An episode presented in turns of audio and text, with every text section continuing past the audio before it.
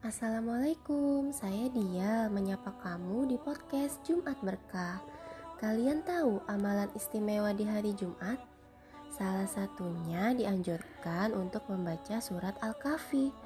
Dari Abu Said Al-Khudri, Nabi Shallallahu Alaihi Wasallam bersabda, Barang siapa membaca surat Al-Kahfi pada hari Jumat, maka ia akan disinari oleh cahaya di antara dua Jumat. Hadis riwayat Hakim. Yuk berlomba-lomba memperbanyak amal ibadah di hari Jumat. Wassalamualaikum.